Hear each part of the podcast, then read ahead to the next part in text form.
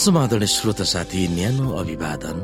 म उही तपाईँका आफ्नै मित्र धनलाल राईको श्रोता साथी। आज म तपाईँको बीचमा बाइबल सन्देश लिएर आएको छु। आजको बाइबल सन्देशको शीर्षक रहेको छ लक्ष्यमा अगाडि बढिरहनु।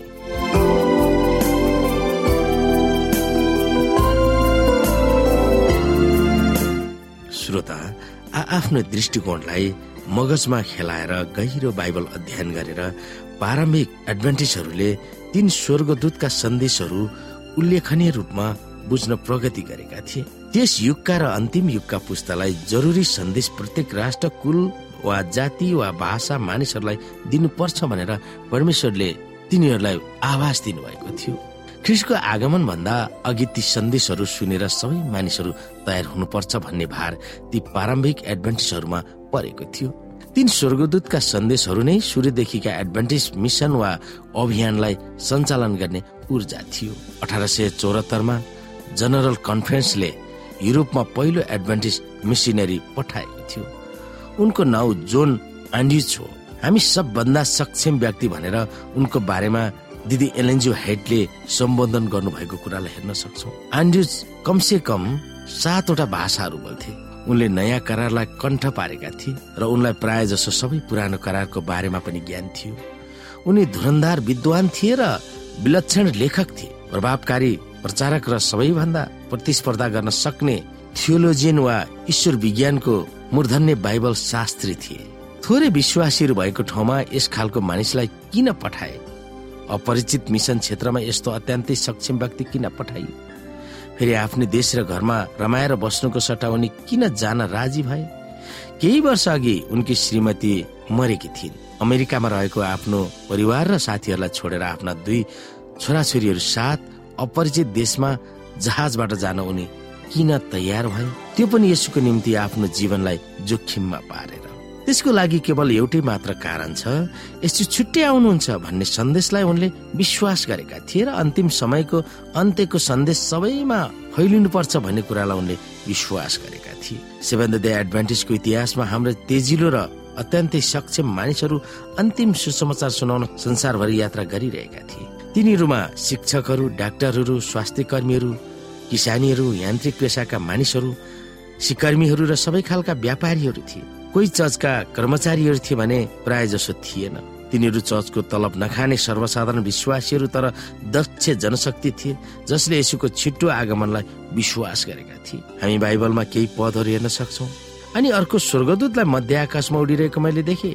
पृथ्वीमा रहने हरेक जाति कुल भाषा र मानिसहरूलाई घोषणा गर्ने अनन्त सुसमाचार तिनीसँग थियो। प्रकाश चौध अध्यायको छ तर पवित्र आत्मा तिमीहरूमा आउनु भएपछि तिमीहरूले शक्ति पाउनेछौ। र तिमीहरू एरिस्लेममा सारा यहुदियामा सामरियामा र पृथ्वीको अन्तिम छेउसम्म मेरा साक्षी हुनेछौ। र अनि राज्यको यो सुसमाचार सारा संसारमा सबै जातिहरूका लागि गवाईको निम्ति प्रचार गरिने छ त्यसपछि अन्त्य आउनेछ भनेर हामीले हेर्यौँ मत्ती चौबिस अध्यायमा।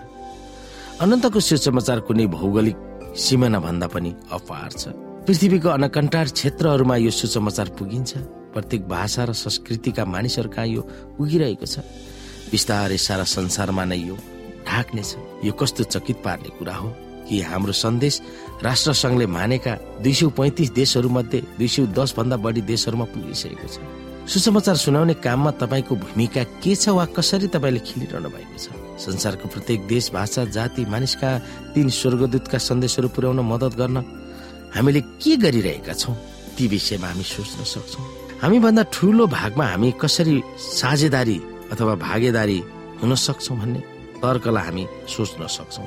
हामी यस संसारमा थोरै समयको निम्ति छौँ र केवल धेरै थोरै भए पनि बाँच्न सङ्घर्ष गरिरहेका छौँ। यस संसार भ्रष्ट छ बिग्रिएको छ छेद विच्छेद भएको छ र कतिपल्ट हामी निराशै निराशको भुमरीमा छौँ। यी कुराहरू कसले अनुभव गरेको छैन हामी बाँच्न त चाहन्छौँ तर त्यसको अर्थ के हो?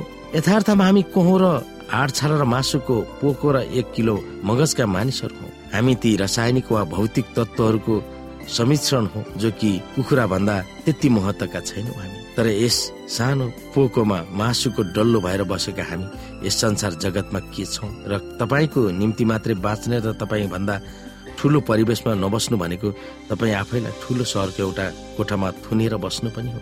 प्राकृतिक सौन्दर्यताबाट तपाईँ टाढा रहेर आफैमा खुम्सिएर बस्नु भनेको के हो? के त्यो तपाईँको निम्ति रमाइलो छ त? तर यसुले प्रतिज्ञा गर्नुभएको अनन्त जीवनको घोषणा गरेर तपाईँ महान विशाल महिमित र कहिले पनि नाश नहुने थोकरको बीचमा रहन सक्ने अवसर हामीले पाउन सक्छौ। कि त्यो तपाईँ गुमाउन चाहनुहुन्छ?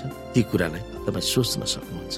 परमेश्वरमा समर्पित जीवन परमेश्वरमा अर्पित पवित्र सेवकहरू तिनीहरूले चम्किलो अनुहारले तेज साथ एक ठाउँबाट अर्को ठाउँमा स्वर्गको सन्देश लिएर द्रुत रूपमा घोषणा गर्नुपर्नेछ। सारा संसारभरि हजारौं आवाजहरू उठाएर चेतावनीको सन्देश दिइनेछ अनेकौं आश्चर्यका कामहरू हुनेछन् बिरामीहरू निको हुनेछन् अनेकौं अचम्मका कामहरू हुनेछन्। मानिसहरूको अगाडि आकाशबाट आगो पनि खसालिनेछन्। यसरी संसारमा रहेका प्रत्येक मानव जात कसको पक्षमा उभिने भनेर खडा गराउनेछन्। यी विषयमा हामी विचार गर्न सक्दछौँ।